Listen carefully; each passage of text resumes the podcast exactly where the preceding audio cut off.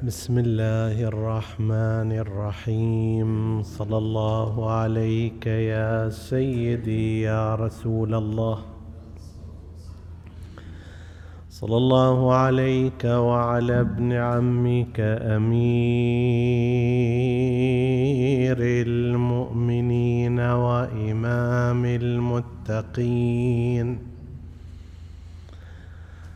صلى الله عليك يا سيدي ويا مولاي يا أبا عبد الله الحسين. ما خاب من تمسك بكم وامنا من لجأ إليكم.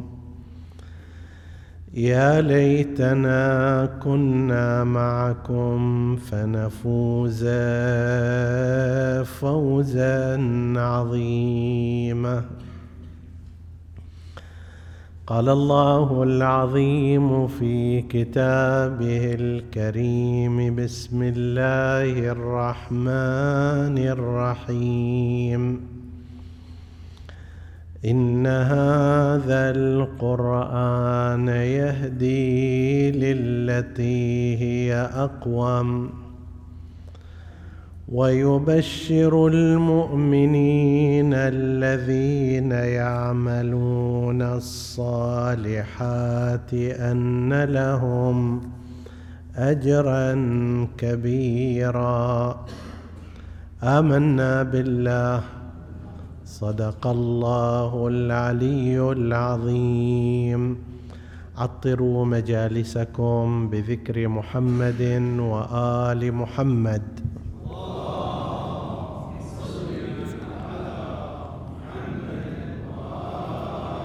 اللهم صل على محمد.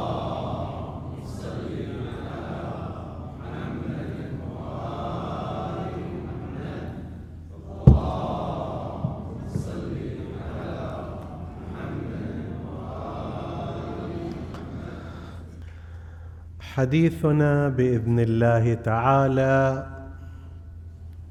في هذه الليالي سيكون بعنوان رئيسي هو المعجزه الخالده أحاديث حول القرآن الكريم تتناول مواضيع القرآن من خارجه.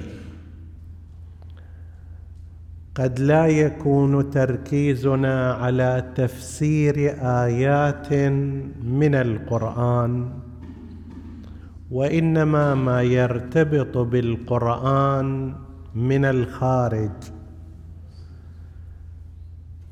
قد يكون لنا حديث حول جمع القرآن كيف تم؟ هل هو في عهد رسول الله أو بعد عهد رسول الله؟ ومن الذي قام به؟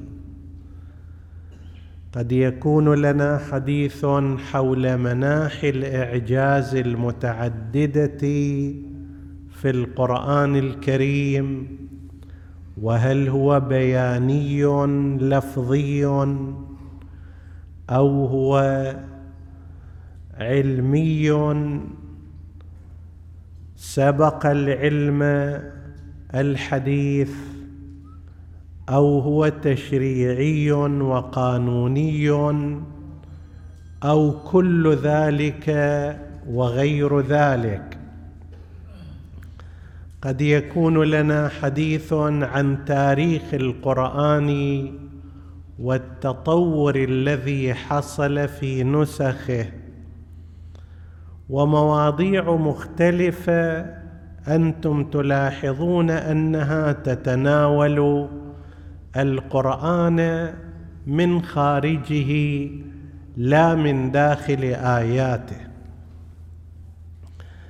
نبدأ حديثنا هذه الليلة بتعريف للقرآن الكريم فيما يمكن أن يشبه بطاقة التعريف المختصرة. قرآن وهو الاسم العلم الذي ورد مرارا في داخل القرآن إشارة إليه.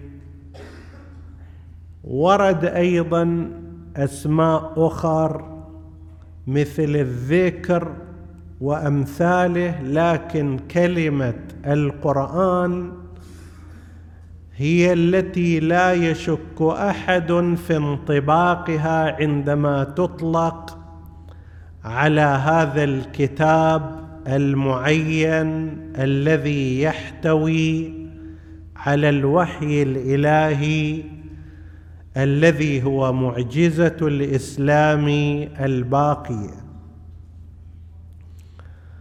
بين أيدينا الآن لا توجد معجزة لنبي من الأنبياء أو رسول من الرسل معجزة شاخصة باقية إلا القرآن. باقي المعاجز هي عبارة عن أخبار أنباء.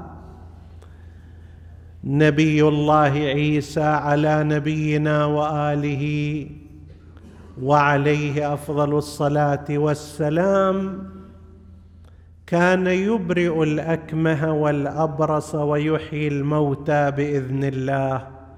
لكن هذا خبر لا تجد عينا قائمة وشيئا مجسدا بين يديك يدل على ذلك.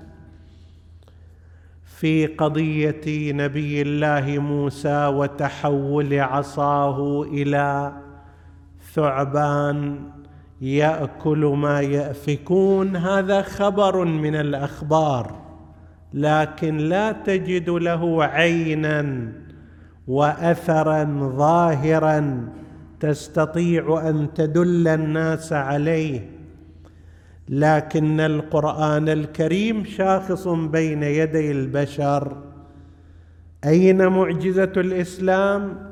هذه أين معجزة رسول الله؟ قدم له نسخة من القرآن الكريم وأنت آنئذ تريه المعجزة واضحة شاهرة ظاهرة.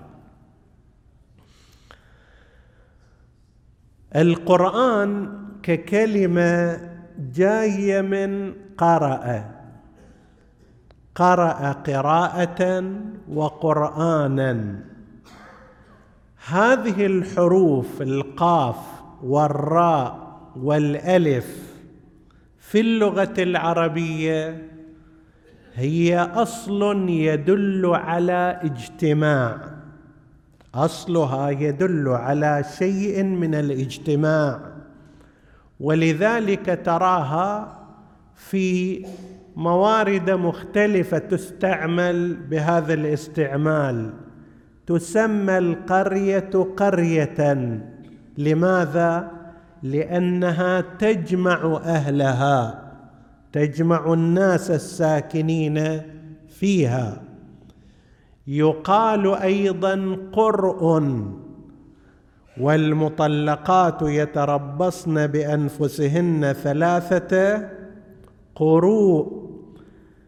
قروء جمع قر. القر أيضا جاي من هذه بمعنى اجتماع الشيء. المراه عندما يجتمع في رحمها دم العادة الشهرية تكون ذات قرء سواء كان بمعنى الحيض والدورة الشهرية أو بمعنى الطهر. فالأصل في هذه الكلمة وهناك أمثلة كثيرة.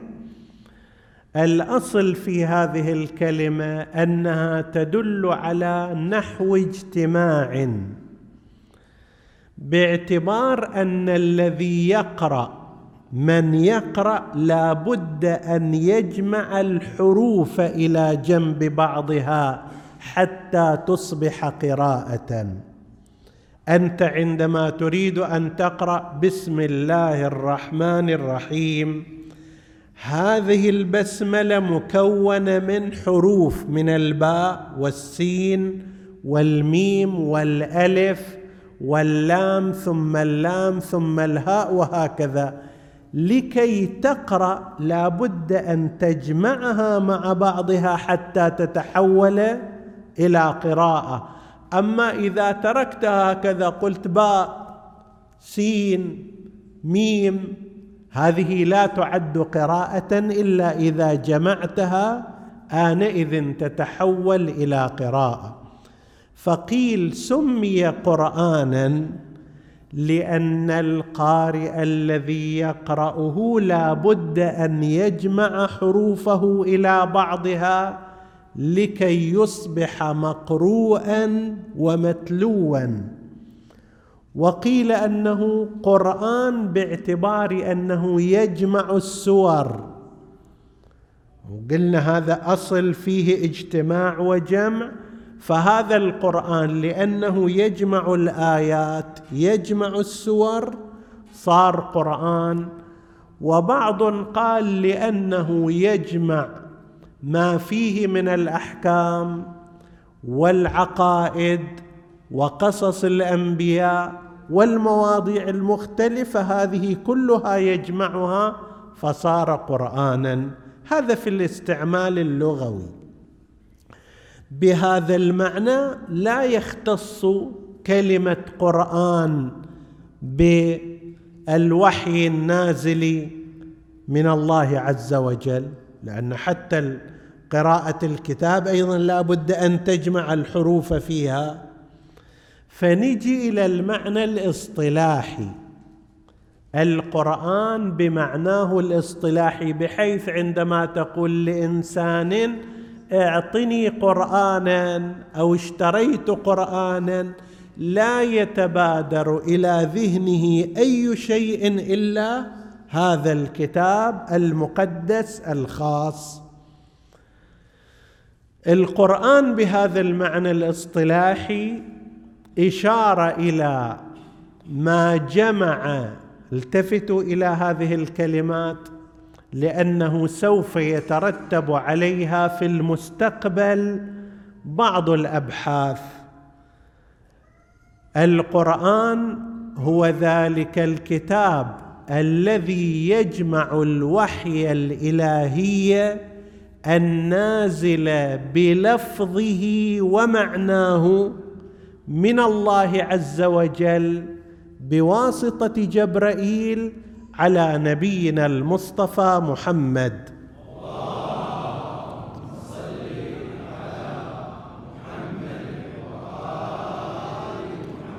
وهو الكلام الإلهي المعجز لمن عدا الله ولما عدا الله.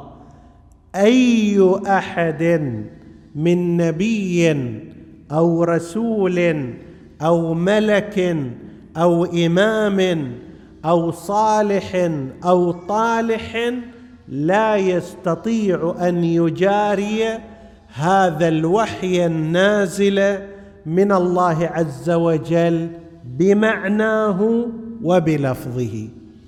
هذا خلوا في بالكم لأن سيكون لدينا حديث حول قضية الوحي وما زعمه بعض الحداثيين أو العصرانيين أو العلمانيين سمهم ما تشاء. من أن الوحي كيفية خاصة الآن لا نتعرض إليها نتعرض إليها في وقتها ونجيب عليها إن شاء الله. كلام الله الذي بعث به جبرائيل واحتمله جبرائيل عن الله عز وجل بمعناه ولفظه إلى رسول الله صلى الله عليه وآله وهو الكلام المعجز لكل أحد إلا الله سبحانه وتعالى. هذا هو القرآن الكريم. وتعهد الله سبحانه وتعالى بحفظه وإبقائه وخلوده.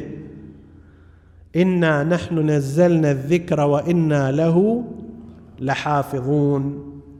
هذا القرآن الكريم الذي عبر عنه بتعبيرات مختلفة في القرآن نفس آيات الذكر الحكيم تكلمت عن القرآن الكريم بكلمات مختلفة منها ما جعلناه شعار هذه السلسلة وهو قول الله عز وجل إن هذا القرآن يهدي للتي هي أقوم ويبشر المؤمنين الذين يعملون الصالحات أن لهم اجرا كبيرا التي هي أقوم في حياتهم الشخصية في حياتهم الاقتصادية. في حياتهم الثقافية في السياسية في كل النواحي. لذلك أنت تلاحظ لم يعين في جانب دون آخر. يهدي للتي هي أقوم. أي طريقة تتصورها فيها جانبان جانب سيء وجانب قيم وسوي. القرآن يهدي مو للقيم وإنما يهدي للتي هي أقوم.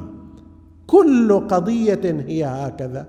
هناك جانب سيء وهناك جانب قوام وقيم وقائم. القرآن في تلك القضية يهدي للأقوم من القيم فضلا عن السيء. هذا القرآن الكريم يشتمل على أجزاء وعلى سور وعلى آيات وعلى حروف وكلمات. يشتمل على أجزاء المعروف الآن المتداول أن القرآن الكريم ثلاثون جزءا. هذه التجزئة ليست يعني لا يوجد دليل على أنها تجزئة ربانية ولا نبوية معصومية وإنما شيء تعارف عليه المسلمون في وقت متأخر بعد وفاة رسول الله صلى الله عليه وآله. يعني أنه مقسم إلى ثلاثين جزء. ما عندنا نص يشير إلى أن هذا من السماء نازل. مثلا من أول سورة الفاتحة إلى آية كذا في سورة البقرة هذا الجزء الأول. وبعده إلى جزء ثاني وهكذا.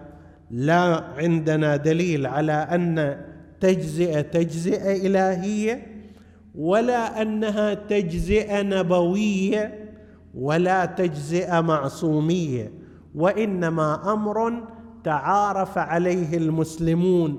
ويشبه ذلك ما ورد في التحزيب. وهذه أساليب كانت من أجل قضية الحفظ أو من قضي من أجل قضية التلاوة وهي من الأمور التي تعارف عليها المسلمون أكثر مما هي قضية وحي إلهي. هذا بالنسبة إلى الأجزاء. تجي إلى قضية السور. هل أن السور بترتيبها هذا أيضا هو ترتيب؟ هذا اللي موجود عندنا الآن. هو ترتيب إلهي سماوي أو وحياني مروي عن النبي صلى الله عليه وآله. أيضا لا يوجد دليل على ذلك. نعم المعلوم أن فاتحة الكتاب هي أول الكتاب. فاتحة الكتاب السورة سورة الحمد هي أول الكتاب أول القرآن ومن اسمها واضح. أما فيما بعد كل سورة موقعها وين؟ هذا ليس كله وحيا. بعض السور في زمان رسول الله صلى الله عليه وآله كانت معروفة الترتيب وبعضها الآخر ليست كذلك.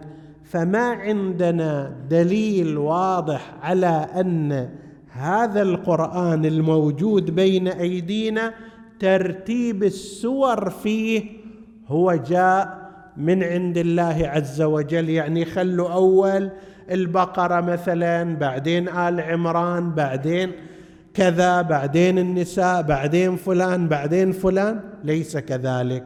ولهذا النسخ السابقة للقرآن قبل أن يجمع الناس على ترتيب معين في زمان الخليفة الثالث وسنتعرض إلى قضية جمع القرآن إن شاء الله. في ليال قادمة في بعض النسخ تختلف فيها السور تقديما وتاخيرا. وأما الآيات فلا. الآيات في ترتيب الآيات نفس الآية واحد والآية قياسا إلى ما قبلها وما بعدها كانت من عند السماء وذلك بتوجيه نبينا المصطفى محمد.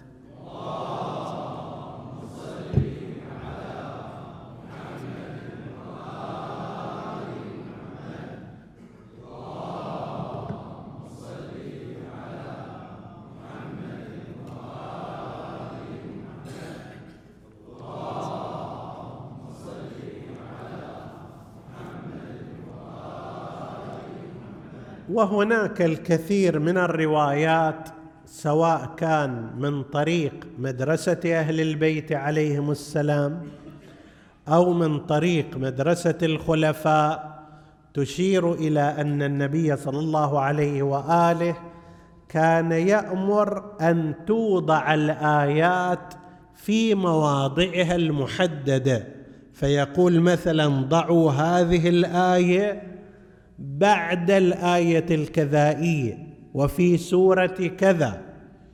مو بكيفه اللي يجمع كان يرتب. هذا واحد. وثانيا هو مقتضى الاعتبار. ماذا يعني مقتضى الاعتبار؟ كلام الإنسان ميزاته في ماذا؟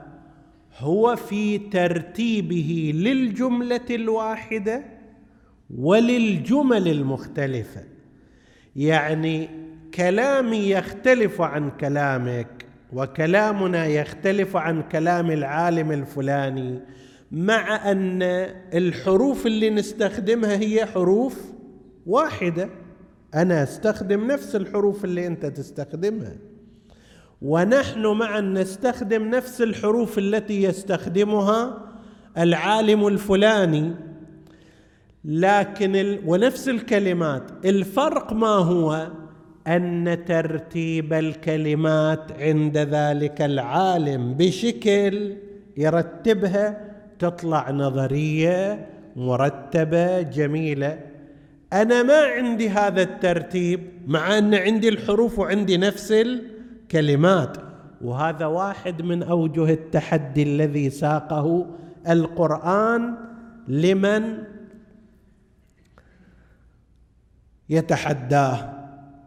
يقول له هذه ألف لام ميم را وحاميم وحاميم عين سين قاف وكاف هاء يا عين صاد. هي هذه الحروف ذلك الكتاب لا ريب فيه. ألف لام ميم ذلك الكتاب لا ريب فيه. حاميم تنزيل الكتاب. هو هذه الحروف. حروف موجودة عندكم. الكلمات نفسها موجودة عندكم. الأدوات كلها يمكم. لكن نتحدى أن يأتي بكتاب من مثله. لا نتحدى أن يأتي بعشر سور. لا نتحدى أن يأتي بسورة. الأدوات كلها يمك هذه. طيب وهذا أبلغ في التحدي. الفرق هو في ماذا؟ هو أن نفس هذه الحروف كيف أجمعها في كلمة وهذه الكلمات كيف أجمعها في جملة. ولذلك لا بد أن تكون هذه الحروف نحو جمعها فيما هي في كلمة واحدة. وفيما هي في كلمات لا بد أن تكون من قبل الوحي لا بد أن يكون من عند الله ارتباطها الايه بالآية التي قبلها وبعدها أيضا كذلك لأن أحيانا يصير تغيير الكلمة في الجملة وتغيير الجملة في موضعها في الجمل قد يغير المعنى تغييرا كاملا.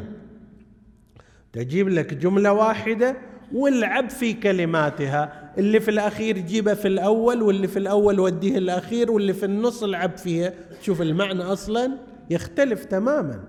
ونفس الكلام في الجمل فيما بينها. لذلك ترتيب الكلمات في الآية وترتيب الآيات فيما بينها تقديما وتاخيرا بالإضافة إلى ما ورد الإخبار عنه أن رسول الله كان يأمر هو مقتضى الاعتبار. فلو تغير يتغير المعنى ويحصل التحريف وأحيانا لا يكون لهذا الكلام معنى أصلا مع أن الكلمات هي نفس الكلمات. إذا تغير ترتيبها واختلف. فاذا الآيات فيما بينها والكلمات فيما بينها ترتيبها ترتيب من الوحي من الله عز وجل. لها أيضا عدد معين ذكروا فيه الاختلاف. آيات القرآن سور القرآن الكريم قلنا الأجزاء ثلاثون سور مئة وأربعة عشر كسورة وإن كانت بعض السور في خصوص الصلاة سورتان تحسبان بسورة واحدة مثل مثل سورة الفيل والإيلاف وأمثالها. ولكن كعدد 114 سورة. كآيات ذكروا أن آيات القرآن الكريم ما بين ستة آلاف وستمائة وستين أو ستة وستين آية هذا أعلى حد قيل وأقل حد قيل ستة آلاف ومئتين آية. ستة آلاف ومئة آية. تقول ما شاء الله كم هذا الفرق بينهم؟ أربعمائة أربعمائة آية كيف يصير هذا؟ وهذا معناه إذن أن القرآن هذا ناقص؟ لا ليس كذلك. حتى الذين اختلفوا في عدد آيات القرآن الكريم اتفقوا على أنه لا يوجد اختلاف بينها ولا نقيصة ولا زيادة. اذا من وين جاي الاختلاف؟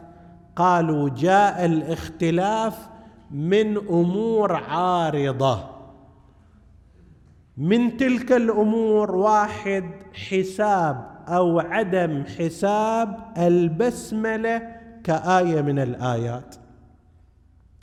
عندنا البسملات في أوائل السور مئة وثلاثة عشر بسملة في أوائل السور المجموع هي مئة وأربعة عشر بإضافة ما هو موجود في داخل سورة النمل.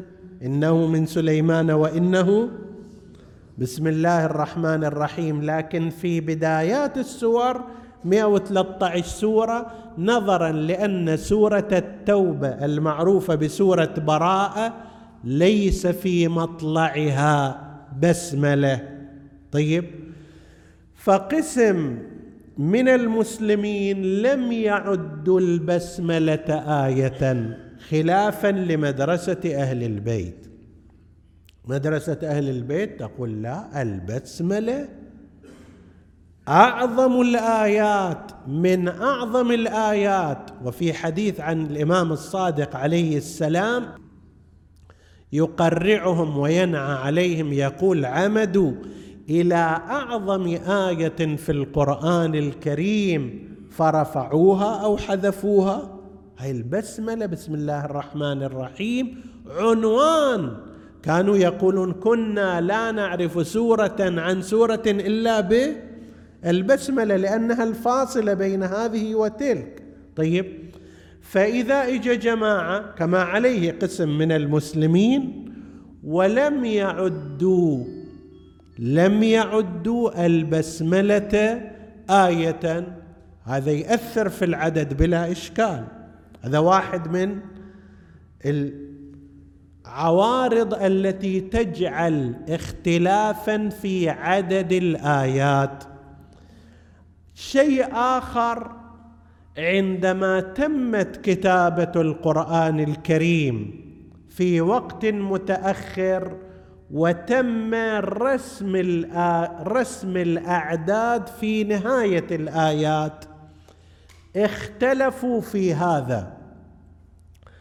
في بعض الأماكن قسم من الذين كتبوا القرآن طبعا كتابة القرآن تعلمون ليست كتابة توقيفية.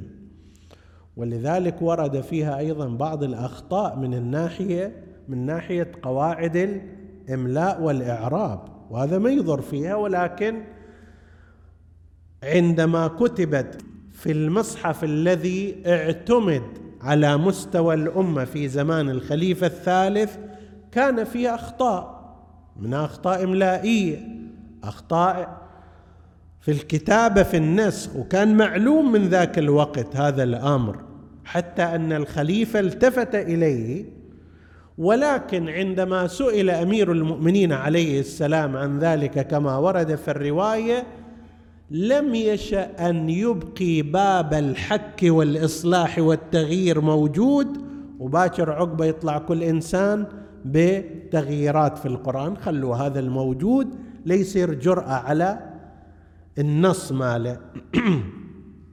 من ضمن ذا طبعا فيما بعد صار قضية التنقيط فيما بعد صار قضية التشكيل ووضع الحركات. نتحدث عن هذا إن شاء الله وعن دور من كان على وفق مدرسة أهل البيت الدور العظيم الذي قاموا به في هذا الشأن حتى صار المصحف اللي موجود الآن هالمصحف بهذا النحو قام شيعة أهل البيت. هذا الدور المجهول اللي إن شاء الله نتحدث عنه في ما يأتي من الليالي. الشاهد أن في نهاية كل آية صار ترقيم هنا صار اختلاف. مثلا يجي يقول لك قاف والقرآن المجيد. يجي واحد يكتب قاف يعتبرها آية يخلي علامة دائرة. والقرآن المجيد آية أخرى صار رقم اثنين. يجي كاتب آخر يعتبرها كلها آية قاف والقرآن المجيد ويخلي دائرة في آخر. هاي الآيتين صارت عنده شنو؟ آية ما زاد ولا نقص. ذاك ما حذف آية ولا هذا زاد آية وإنما الإشكال كان هو في قضية شنو؟ الترقيم. صاد والقرآن ذي الذكر نفس الكلام. قال فالحق والحق أقول. البعض هنا خلى علامة دائرة وصارت شنو؟ نهاية آية. البعض الآخر قال لا ليست هذه نهاية آية. نكملها إلى الأخير. هذه أمور في الكتابة والرسم. والإملاء جعلت شيئا من الاختلاف في عدد الآيات النهائي. الآن الموافق للمصحف الموجود المشهور في كتابته وخطه بين المسلمين كما ذكر ذلك صاحب مجمع البيان الشيخ الطبرسي رضوان الله تعالى عليه قال الموجود الآن مجموع الآيات بحسب هذا التعداد ستة آلاف ومئتين وستة وثلاثون آية. أعود وأكرر هذا لا يعني أن هذا أقل من ذاك اللي يقول ستة آلاف وستمية ولا هو أكثر من الذي يقول ستة آلاف ومئتين وإنما هذا الاختلاف راجع إلى السببين. اللذين ذكرناهما.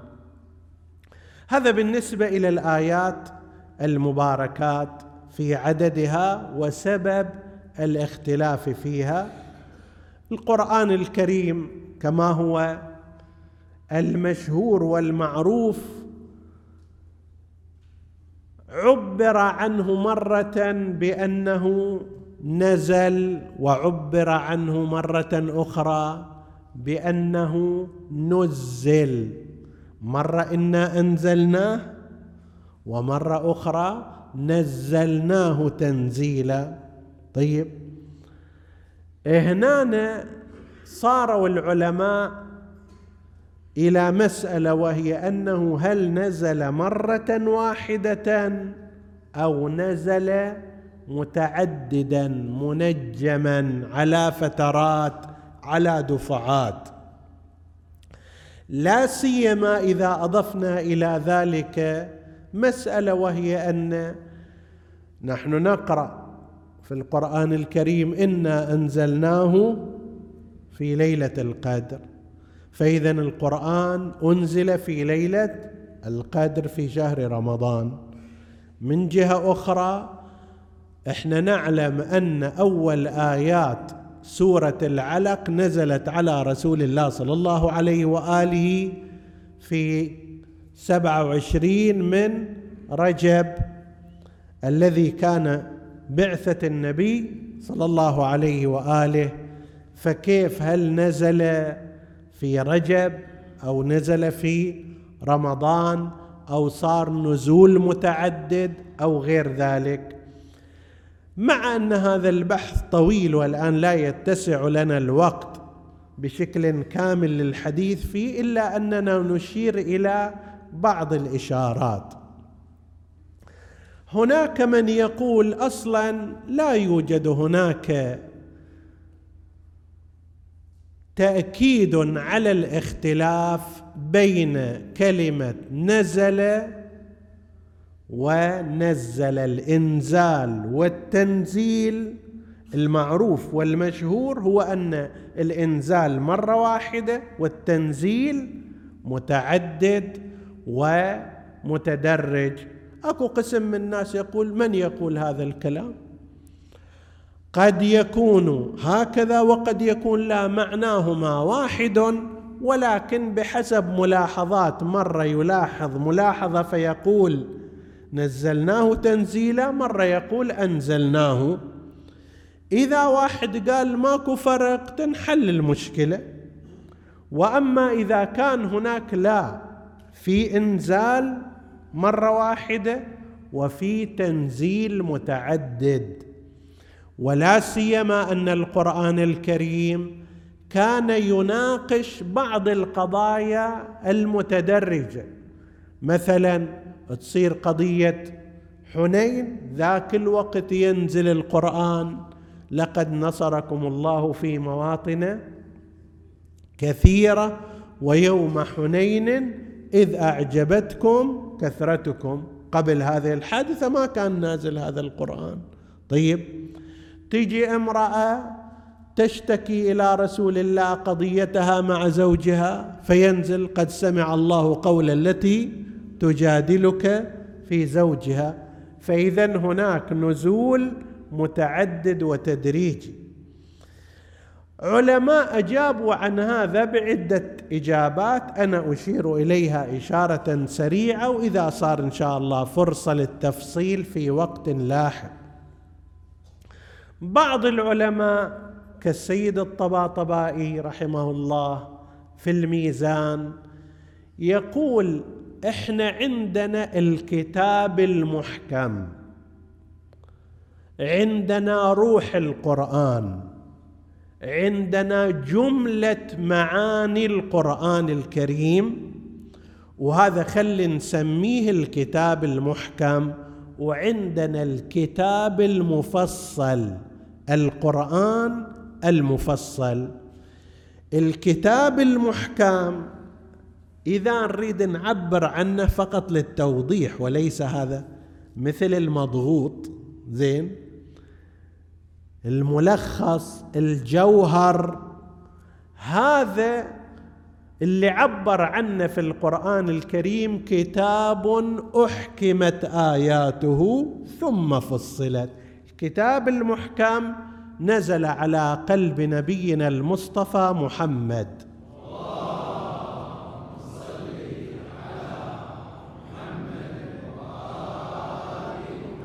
نزولا دفعيا مرة واحدة.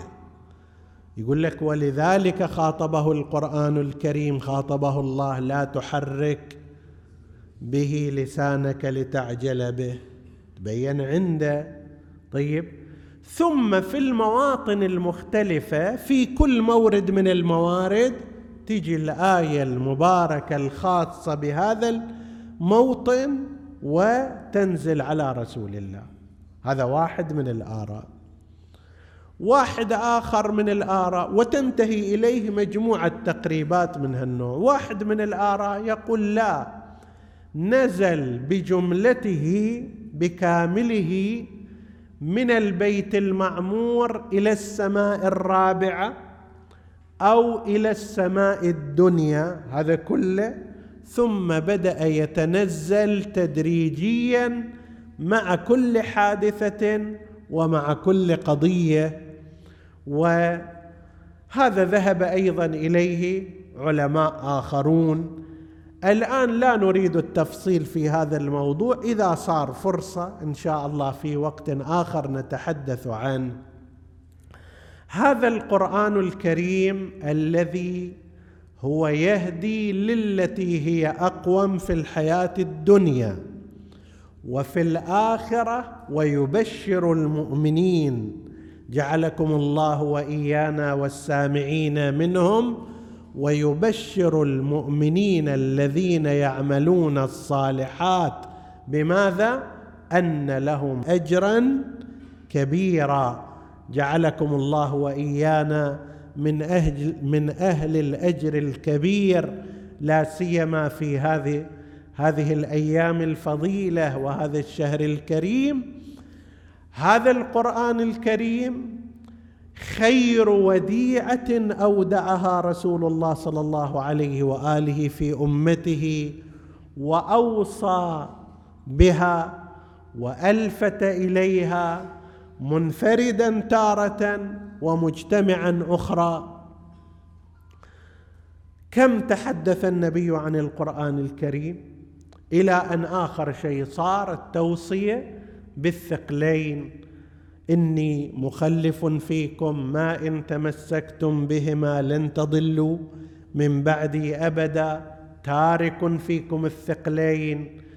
أحدهما أكبر من الآخر. كتاب الله وعترتي أهل بيتي. لعلك تقول لي شنو هذا؟ تارك فيكم مخلف فيكم أيه منهم؟ لا هم هذا وهم ذاك وهم غيره. ليش؟ لأن النبي صلى الله عليه وآله وهذه هذا أمر عقلائي وطبيعي.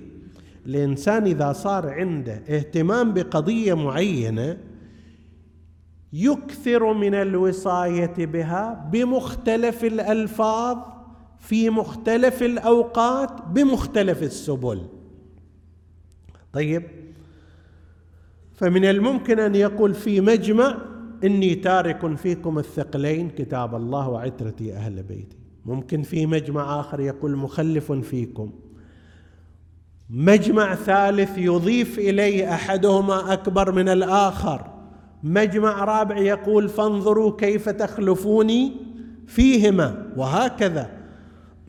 النبي صلى الله عليه وآله في سنواته المختلفة كان يوصي بهذه الوصايا المختلفة بالقرآن وبالعترة. ولكن للأسف لم تلتفت الأمة في سلوك طغاتها وكبارها إلى وصايا رسول الله صلى الله عليه وآله. أما القرآن الكريم فزووه عن العمل به لا بل مزقه بعض طغاة هذه الأمة. مو بس ما عملوا به وإنما أهانوه هتكوا حرمته. هذا الوليد ابن يزيد الأموي الفاسق المعروف دون التاريخ عنه أنه وكان كثير الشرب. ولا أعلم إذا كان في تلك الحالة شاربا سكرانا أو لا مسك القرآن ليستفتح به. إحنا عندنا الاستفتاح بالقرآن والتفاؤل بالقرآن غير مسموح شرعا. واحد يجي يقول لك شوف لي في الامتحان أنجح لو ما أنجح. شوف بالقرآن. لا لا تسوي له باكر عندي مقابلة في وظيفة شوف راح أنقبل لو ما راح أنقبل. شوف في القرآن لا تسوي له ممنوع. ليش؟ لأن هذا قد يجر إلى تكذيب القرآن. طيب. أنت شفيت لنفترض جيت وتفألت واستفتحت فتحت القرآن إلى هذا؟ قلت له ما شاء الله الآية المباركة. جنات وعيون وزروع ومقام كريم و وإلى آخره. طيب روح توكل على الله. راح الامتحان بدل الدائرة الحمراء جاب ثلاث أربع. طيب شلون هالشكل كذا قلت إلي؟ يجر ذلك إلى تكذيب القرآن. القرآن إذا تريد بعد العمل به إن شاء الله نتحدث عنه والتدبر فيه. أيضا هناك مجال لرفع الحيرة بالاستخارة. أما تفاؤل لا استفتاح لا. وهذا الرجل كان يريد أن يتفاءل بالقرآن. الوليد ابن يزيد. فتفاءل بالقرآن وإذا واستفتح به وإذا بالآية المباركة واستفتحوا وخاب كل جبار عنيد من ورائه جهنم. ويسقى من ماء صديد فغضب وقال تهددني بالجبار العنيد أنا الجبار العنيد. ووضع القرآن على جدار وأخذ سهاما وظل يرشقه بالسهام حتى مزق القرآن ويقول تهددني بجبار عنيد فها أنا ذاك جبار عنيد. لئن لاقيت ربك يوم حشر فقل يا رب مزقني الوليد. هذا الثقل الأكبر وأما الثقل الأصغر فقد مزقوهم برماحهم وسيوفهم ولا ينبئك مثل خبير. هذه كربلاء تحكي لك ماذا جرى على هذا الثقل الأصغر على عترة رسول الله صلى الله عليه وآله بل غير كربلاء تتبعوهم بالأذى وبالإهانة وبالقتل والتشريد حتى وجدتهم لا يأمنون على أنفسهم. رحم الله الشاعر الذي يأخذ هذا المشهد من وصية النبي بالثقلين من قبل رسول الله صلى الله عليه وآله فيقول يلوح له الثقلان يلوح لرسول الله الثقلان يلوح له الثقلان ثقل ممزق بسهم وثقل بالفلاه مبدد. هذا القرآن الكريم مزقوه بالسهام وذاك الثقل الأصغر أبناء رسول الله عترة رسول الله بددوهم شتتوهم فرقوهم في الصحاري. يلوح له الثقلان ثقل ممزق بسهم وثقل بالفلاه مبدد فعترته بالسيف بعض وبعضهم بسم. هذه أشكال مختلفة لكيفية قضاء الطواغيت على أهل البيت. فعترته بالسيف بعض وبعضهم بسم وبعض بالرماح مقدد. فأي شهيد أصلت الشمس خده. ومشهدها من نوره يتوقد وأي ذبيح داست الخيل صدره ايوا إماما. وأي ذبيح داست الخيل صدره وفرسانها من ذكره تتجمد ولو علمت تلك الخيول كأهلها بأن الذي تحت السنابك أحمد. يعني لو علمت الخيول أن النبي قال حسين مني وأنا من حسين. وهذا الحسين فلذة كبد رسول الله على الرمضاء وهي تدوسه بحوافرها. ولو علم تلك الخيول كأهلها بأن الذي تحت السنابك أحمد لثارت على فرسانها. يا وتمردت عليهم كما ثاروا بها وتمردوا. ساعد الله تلك الحرائر والعقائل. وهي تنظر إلى تلك الخيول تصعد وتنزل على صدر ابن بنت رسول الله. حتى كسرت أضلاعه. يا بويا من قطع راسك. ويا يا